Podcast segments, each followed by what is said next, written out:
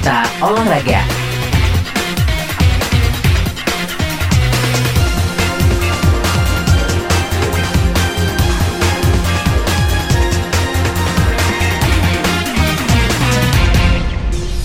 Sajuni Putra untuk berita olahraga. Irfan Jaya bersyukur bisa merasakan juara Liga 1 2021-2022 bersama Bali United. Ia sangat senang karena ini adalah gelar juara pertamanya di pentas Liga Indonesia selama berkarir di sepak bola. Namun saat mengucap kegembiraannya tersebut terlintas sedikit rasa kurang puas karena tidak bisa berkontribusi penuh kepada Bali United.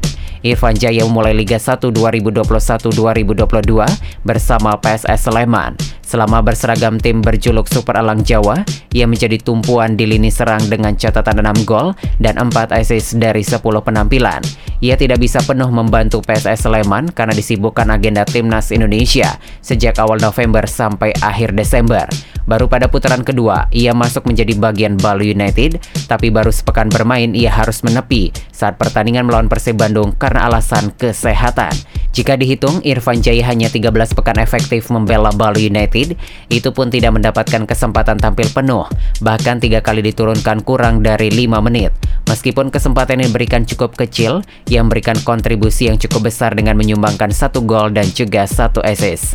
Ia bertekad untuk bisa tampil maksimal lagi, target terdekatnya ingin membantu Bali United memenuhi target lolos fase grup G AFC Cup 2022. Demikian saja nih Putra untuk berita olahraga, kembali ke program selanjutnya. Berita Olahraga